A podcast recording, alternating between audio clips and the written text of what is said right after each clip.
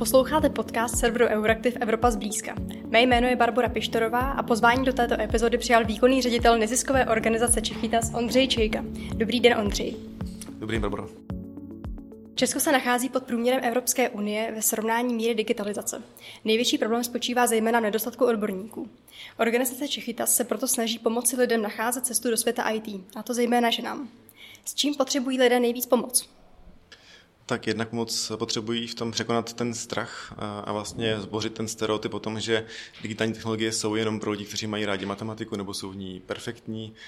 ale IT je opravdu pro všechny a je pro všechny nás budoucností, takže my se snažíme borat tento stereotyp, pobrat stereotyp o tom, že to je obor, který patří jenom e, mužům nebo do kterého nepatří ženy. To také vlastně není pravda, protože první programátorky byly ženy e, úplně vlastně na počátku, až potom, když se z toho stalo prestižní povolání, tak se to začalo víc e, soutěživostí, vlastně soutěživostí a tím, že to byla dobře placená práce, tak se tam spalo mnohem víc mužů, což máme teď až ten přežitek tady u nás taky. A, a to, co teda chybí, je jednak vedení eh, dětí na, na školách k tomu, aby se nebáli třeba technologické obory potom následovat i v té kariéře nebo eh, studovat střední a vysoké školy v technologických oborech. A, a eh, obecně v populaci to, že opravdu je důležité se celoživotně vzdělávat v digitálních technologiích. Co myslíte, že je příčinou těch, těch problémů? No tak příčina je v tom, že naše školství sice se mluví dlouhodobě o tom, že se transformuje nebo se bude nějak měnit, Teď teda konečně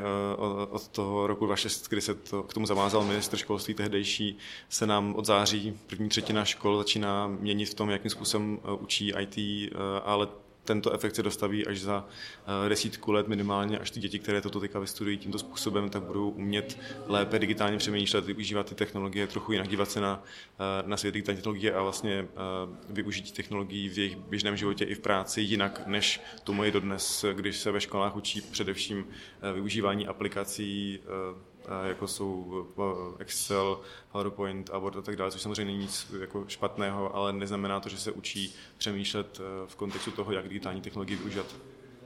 Vaše organizace zároveň působí ve různých regionech v České republice. Jak se to liší mezi jednotlivými těmi regiony? Jsou tam nějaké velké rozdíly?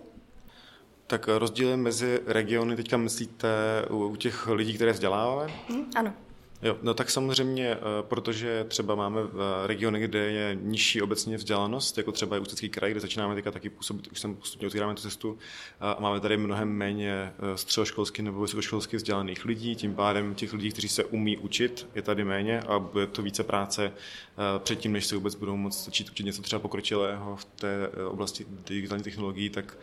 je budeme muset naučit znovu se učit, vůbec vlastně přijmout to, že je potřeba se celoživotně učit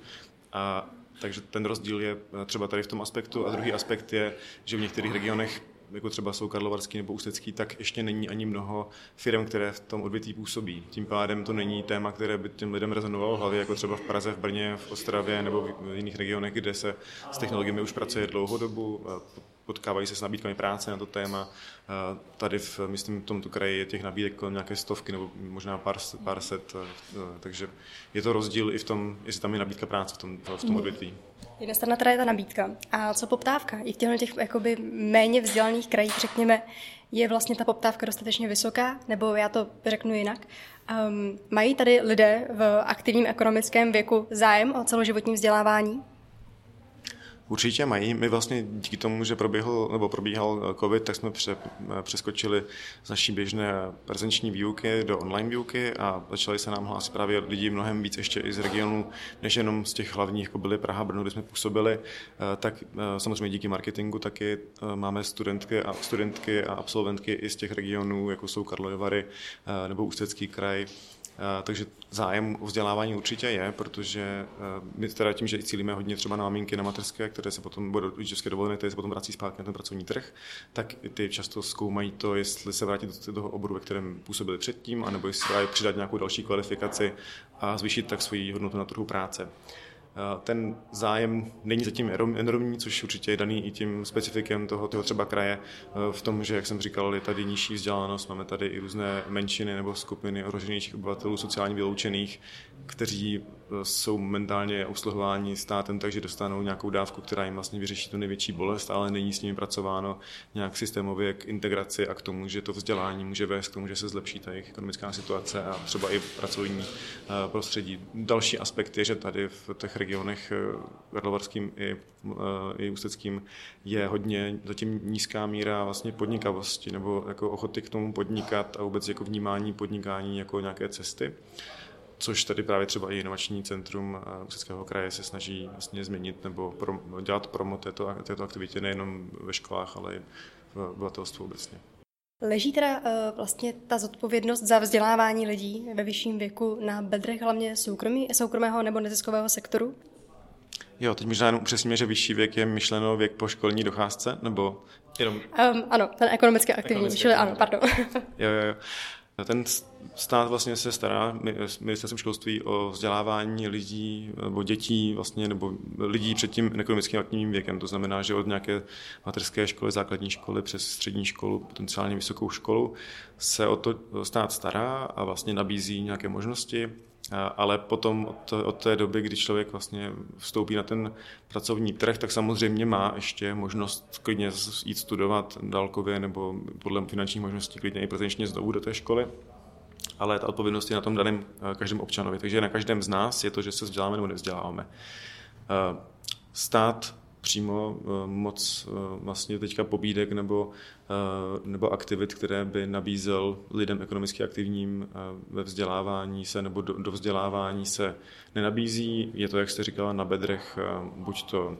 neformálního vzdělávání, nebo případně některé školy nebo některé vysoké školy nabízí samozřejmě i kurzy a vzdělávání pro eh, kohokoliv, ať už to je eh, pro, eh, pro lidi, kteří si chtějí něco doplnit, nějaké vzdělání právě tím dálkovým studiem, anebo potom univerzitu třetího věku, která už je ale teda pro ty spíše ekonomicky neaktivní lidi.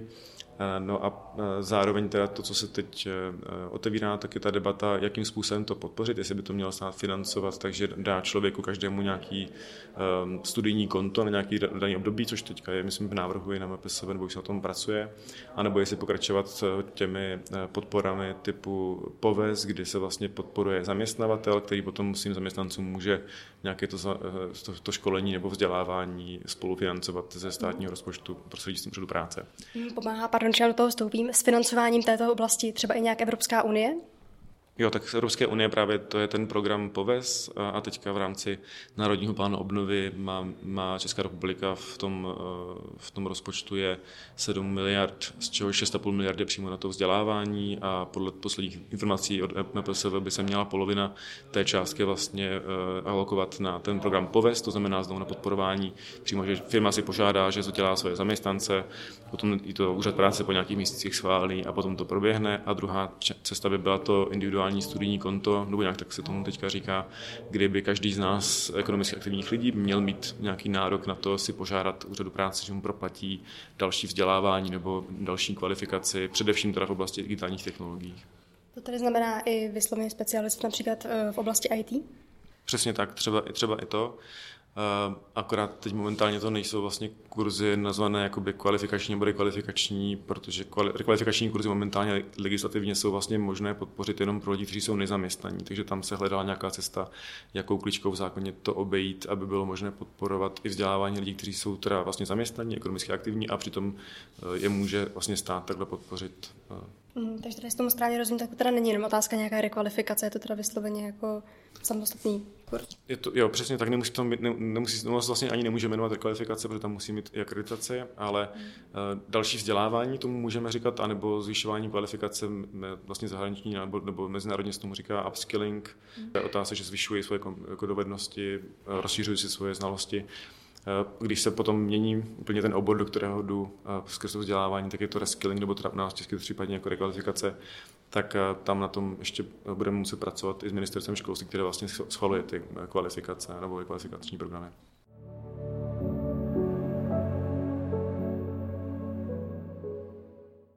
Tak já možná bych teďka přešla k samotné otázce vzdělávání žen v IT oblasti, na což se vaše společnost specializuje. Je stále větší poptávka po lidech, kteří mají digitální dovednosti. Míra zaměstnanosti žen je stále nižší. Muži mají zaměstnanost ze 72% a ženy 61%.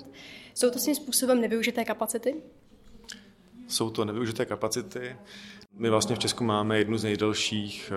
rodičovských dovolených na světě snad úplně. A původně ještě před rokem, myslím 96 nebo 95, si nejsem jistý, jsme měli v Česku podobně jako na Slovensku a v jiných zemích, třeba ještě v Evropě tři roky, což byl takový standard, ale potom z důvodu eh, vývoje ekonomiky a toho, že bylo na pracovním trhu příliš mnoho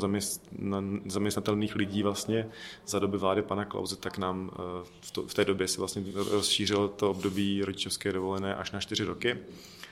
A zároveň s tím se vlastně eh, po, po roce 89 eh, v tom období 90. let eh, rušily jesličky a další zařízení, které vlastně umožňovaly, že nám návrat nejen do práce, ale na vlastně k kariéře a vlastně možnost kombinovat to, že mají rodinu i kariéru zároveň, podobně jako třeba ten model na Novém Zelandu funguje skvěle, že to vlastně není o work-life balance, ale je to work family harmony, jakoby nějakým způsobem harmonizovat tu možnost, jak rozvíjet se v kariéře, tak i pečovat o rodinu a mít podpůrné prostředky nebo podpůrné řešení i právě ve firmě, kde, kde ta žena pracuje nebo ten rodič a že rodiči jsou oba dva. U nás pořád je ten stereotyp, že vlastně žena je ten převládající pečující rodič a často se říká, že třeba tatínek jenom hlídá a není to o tom, že by taky vlastně pečoval. Takže tam, tam je ta brzda. A to jsem odbočil od té původní otázky, to se omlouvám, která byla, jestli teda máme rezervu v ano, děkuji, Máme pořád. velkou rezervu. Mm. Máme velkou rezervu a e, z posledních průzkumů, vlastně jak od společnosti LMC, e, tak od společnosti třeba Goodcall, máme zjištěno, že lidí, kteří mají mít pokročilou znalost digitálních technologií nebo v IT, ICT, tak na tom pracovním trhu dneska chybí 30 tisíc nejenom 15 tisíc. A zároveň to je tím, že vlastně ne všechny pozice jsou vypsané, ne všechny pozice jsou na úřadech práce a ne všechny jsou na portálech pracovních. A to je obrovské číslo, eh, který vlastně, pokud opravdu nepůjde nějaká třeba podpora i od státu, tady tím směrem, možná třeba i tím individuálním studijním kontem nebo něčím jiným, eh, tak eh, nemůžeme aktivovat ty lidi, pokud je opravdu jako nebudeme třeba i marketingem targetovat a nabízet jim to, že můžou třeba v těchto regionech, jak jsme se už bavili před chvilkou, ve kterých je mnoho třeba nezaměstnaných lidí, že tady v, myslím, v kraji to za dubem bylo 5,5%, nebo 5,2%, pardon, z toho taky větší část žen, ne, ne o nějaký velký, ale myslím, že procentuální rozdíl tam je mezi muži a ženami a žen máme v IT momentálně zase pořád jenom 10%. My už tady sice působíme, působíme 8 let na tom trhu a pokoušíme se zlomit ten stereotyp jednak, takže to naše komunikace ale jde plošně, IT je pro všechny, IT je důležité pro všechny a je to budoucnost možná pro všechny, může tam každý najít svou budoucnost tak to samozřejmě nepůsobí jenom na ženy, protože když tu reklamu uvidí i muž, tak to vlastně si řekne, no tak když to zvládne žena, tak to zvládnu i já, tím pádem nám narůstá počet mužů, kteří se kvalifikují do IT a i, i když přidáváme pořád víc a víc žen, eh, nebo postupně víc a víc žen, tak se vlastně vyrovnává ten, ten level a ta úroveň eh, stále stejně. Takže eh, jsou například nějaké předsudky, s kterými ženy musí bojovat v IT, že je to typicky ten mužský obor, nebo že například na to nemají jakožto technicky nadané osoby? Tak to jste řekla vlastně už asi skoro, skoro všecko. To všechno si, jednak to vlastně je o sebedůvěře, že mají, a to je i taky uh, taková stinná stránka té dlouhé rodičovské dovolené, když jsou ty maminky dlouho otrhnuté od toho pracovního prostředí a nejsou v tom kontaktu s, s tou prací nebo i s tím kolektivem, s tím, s tím týmem, s tím odvětvím, kterým původně pracovali, tak ztrácí sebe důvěru, ztrácí sebe důvěru v tom, že jsou vlastně eh, relevantní k tomu oboru. A tak to bych ještě doplnil k tomu, co jste říkala, že jednak je tam ten stereotyp, že to je obor, který je mužský, nebo že to je obor, který je potřeba v něm mít eh, skvělou matematiku. Pro všechny, pro všechny oblasti v IT to určitě neplatí. A, takže tyto stereotypy platí a potom podpora uh, sebe důvěry uh, v ženách. A z té druhé strany, jak je velká je naopak ochota firm zaměstnávat takhle ženy? Jako cítíte tam například nějakou nevůli, jako je přijímat do toho kolektivu? Tak, no, tak ten stereotyp a nevole, co tady byly nebo jsou obecně na tom pracovním trhu z toho důvodu, že to je uh, žena, tak protože je riziko, že pod na mateřskou nebo rodičovskou dovolenou, tak ji vlastně nebudeme vybírat a radši vybereme muže, tak to už věřím, že se nám podařilo do, nějaké míry překonat. Uh, ale jinak obecně firmy z naší zkušenosti vlastně ženy v těch týmech vítají, protože přináší jednak zase úplně jiný pohled na ten řešený problém nebo tu výzvu, často přináší i kultivaci toho prostředí, podobně jako tady byl nějaký stereotyp toho, že ajťáci jsou takový ti gíci, kteří e, jsou často spocení, mají trička Star Wars a mají tam kolu a starý pici a všechno možný kolem sebe na stolu, tak to vlastně už dávno taky neplatí. A pokud to někde ještě trochu platí, což včera jsem, jsem mluvil s jednou jako IT firmou, která říkala, no ještě to takhle u nás trochu funguje, ale tím, že přichází ty ženy, tak ty muži se více eh, kultivují, starají se o sebe, pečují sebe, aby vlastně to prostředí se vlastně tím zlepší, tak je to nějaké míry, ale je to jenom jeden, jeden z mála benefitů, opravdu největší přínos a to potvrzují i mezinárodní studie, je v tom, že když máte diverzitu v tom týmu, a to není to jenom pohlavní, jenom jako muži a ženy, ale i věkovou a různé zkušenosti přinášené těmi, těmi různými osobnostmi a lidmi v tom týmu, tak máte taky, eh, kromě toho, že ty problémy řešíte, eh, řešíte v té firmě eh, efektivněji nebo s lepším výsledkem, tak často ty firmy mají lepší zisk nebo obrat a vlastně se jim daří lépe ekonomicky, pokud mm. jsou diverzní. Já jsem tím možná spíš mířila právě na tu oblast, jestli ty samotné firmy mají jako vůli investovat do těch samotných lidí, například kteří třeba nemají tak dobré znalosti v tom IT oboru, investovat do nových nezaučených lidí, kteří už nemají 10 let praxe, ale mají například jenom absolvovaný kurz. Mají tu vůli? Tak uh, do nějaké míry tady teďka probíhala válka těch největších firm a přebíjení se v tom, kdo zaplatí tím IT specialistům více. Většina firm si už eh, před nějakou dobu nebo postupně uvědomuje, že to není ta cesta, že to není udržitelná cesta, protože si prostě nemůžou ty lidi přetahovat do nekonečna a cesta, jak eh, se dostat k tomu, že u těch zaměstnanců budou mít dost, je opravdu v tom, buď to si je teda, což některé firmy taky dělají, přivést ze zahraničí, což se taky děje, ale taky to není nekonečný zdroj. Eh, takže vzdělávání nových talentů a motivace nových talentů k tomu se věnovat IT, technologiím a tomu oboru u větších firm samozřejmě to začínám, že ty mají tu, tu kapacitu rozpočtovou i personální a to se o ty talenty potom postarat. U menších firm to přichází postupně a samozřejmě tam, tam je ideální, aby tam byla nějaká podpora třeba od toho státu formou toho vzdělávání a, a přeškole, na, na přeškolení nebo kvalifikaci lidí. My tady s tím pomáháme právě tou formou, že jednak eh, dobře eh, vybíráme motivované ženy, které nejenom, že teda se chtějí tu věc naučit, ale chtějí se i do té oblasti IT eh, zaměstnat, takže potom se v ní i uplatnit tím pádem dodáváme na ten trh práce eh, jednak teda kvalifikované nějakou tu jiný úroveň a k tomu velmi motivované se dál učit a dál na sobě pracovat. A, a toto firmy hodně oceňují a vlastně jsem to zprací i ve zpětných vazbách, že ano, samozřejmě ta žena nemůže umět to, co umí absolvent vysoké školy po pěti letech, ale umí ten základ, na kterým se dá dál stavit a může na něm jako pracovat dál. A v tématech třeba jako jsou data nebo testování, je to naprosto, naprosto skvěle to funguje. Možná trochu nedožívané slovo v posledních třech letech je slovo turbulentní, protože předtím byl COVID, ten možná digitalizaci značně akceleroval, stejně tak zájem o tento obor v posledních třech měsících. Eh, je to především příval ukrajinských uprchlíků, zejména žen. Zaznamenali jste například vyšší zájem ze strany této oblasti klientely? Tak eh, my jsme tady vlastně už nějakou populaci eh, lidí z Ukrajiny měli předtím, než, byl, než byla eh, teďka krize nebo invaze Ruska na Ukrajinu. A máme v řadách našich absolventek, myslím, že desítky tam jsou žen, které, které původem jsou Ukrajinky, ale už třeba mluví česky my jsme nechtěli úplně na začátku, když, když ty lidé, co přišli teďka z Ukrajiny k nám, eh, hnedka na ně valit to, že tady teďka jsou kurzy, pojďte se učit, nebo pojďme rychle přeložit všechno možné do ukrajinštiny a tak dále, ale já jsem k tomu našemu týmu vlastně řekl, pojďme počkat chvilku, až se uklidní ta situace, možná se to za chvilku už třeba i ta válka skončí nebo ne, ale každopádně potřebujeme nejdřív teďka ty lidi ubytovat, zajistit nějaký základní fungování, ať mají co jíst, spít, kde mají kde spát a tak dále, a potom se pojďme bavit o tom, jestli budou chtít tady u nás, jestli budou chtít do té společnosti integrovat nebo nebudou chtít integrovat. A teď vlastně v tento moment už vyvíjíme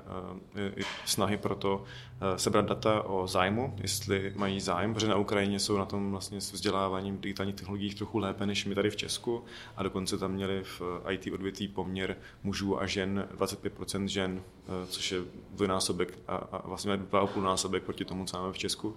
Takže jsme se snažili podpořit i tu myšlenku, aby ženy, které které už jsou vzdělané v, IT, v digitálních dovednostech nebo jsou profesionálky v IT, tak podobně jako spustili Check Invest nebo LMC právě portály eh, v ukrajinštině, tak eh, i my teďka máme v rámci našeho Čekitas Job Fairu část, která je věnovaná taky vlastně ženám z Ukrajiny a na propojení do firm, které je můžou zaměstnat, když třeba neumí ani pořádně česky nebo anglicky,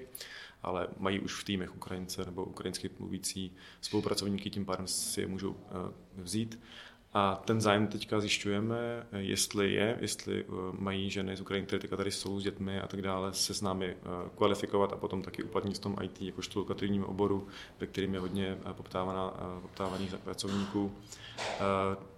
myslím, že jestli si to pamatuju správně, protože jsme včera měli první den jako prvních těch dat, tak tam bylo asi 60 respondentek a z toho 70% ten zájem mělo o digitální technologie obecně. Nebylo tam ještě to, nebylo tam ještě to rozčlenění, jestli mají zájem opravdu se v něm i uplatnit, ale věřím, že ten zájem, když tam aspoň takovýhle je, ten prvotní, takže tam bude i proto uh, najít jako cestu i eh, cestu ty kariéry v IT a kvalifikaci a potom uplatnění. Uh, teďka v našich kapacitách je otevřít desítky míst na našich eh, běžných kurzech a vlastně je rezervovat pro ženy z Ukrajiny. Řešíme tam nějakou otázku, jestli najdeme partnerské firmy, které podpoří tato místa, protože předpokládáme, že nebudou ty ženy mít eh, finanční prostředky na to si zaplatit vlastně ty kurzy, i když to naše kurzovné už teď je vlastně dotované eh, od partnerů, ale je tam symbolická nějaká částka, která, nebo motivační částka, která se platí za, za to kurzovné, takže toto bude teď jenom jedna jako z částí toho, co rozlousknout a, a jinak uvidíme podle zájmu a podle podpory, případně od partnerů můžeme těch kurzů otevřít zase třeba ještě víc. I právě, ale zase chceme to dělat tak, že to bude integrační, to znamená, že to nebudou segregační kurzy jenom pro ženy z Ukrajiny, ale ideálně, aby se tam potkávali jak české studentky, tak ženy z Ukrajiny a mohli se tam spolu spolupracovat na projektech, učit se navzájem česky, případně něco jiného z kultury, navzájem si přidat a, a propojit to takto. Říká Ondřej Čejka, výkonný ředitel Čechytas. Děkuji. Děkuji, nashledanou. To bylo tentokrát z redakce Euraktiv vše. Děkujeme, že nás posloucháte. Budeme rádi, když podcast doporučíte svým kolegům a známým.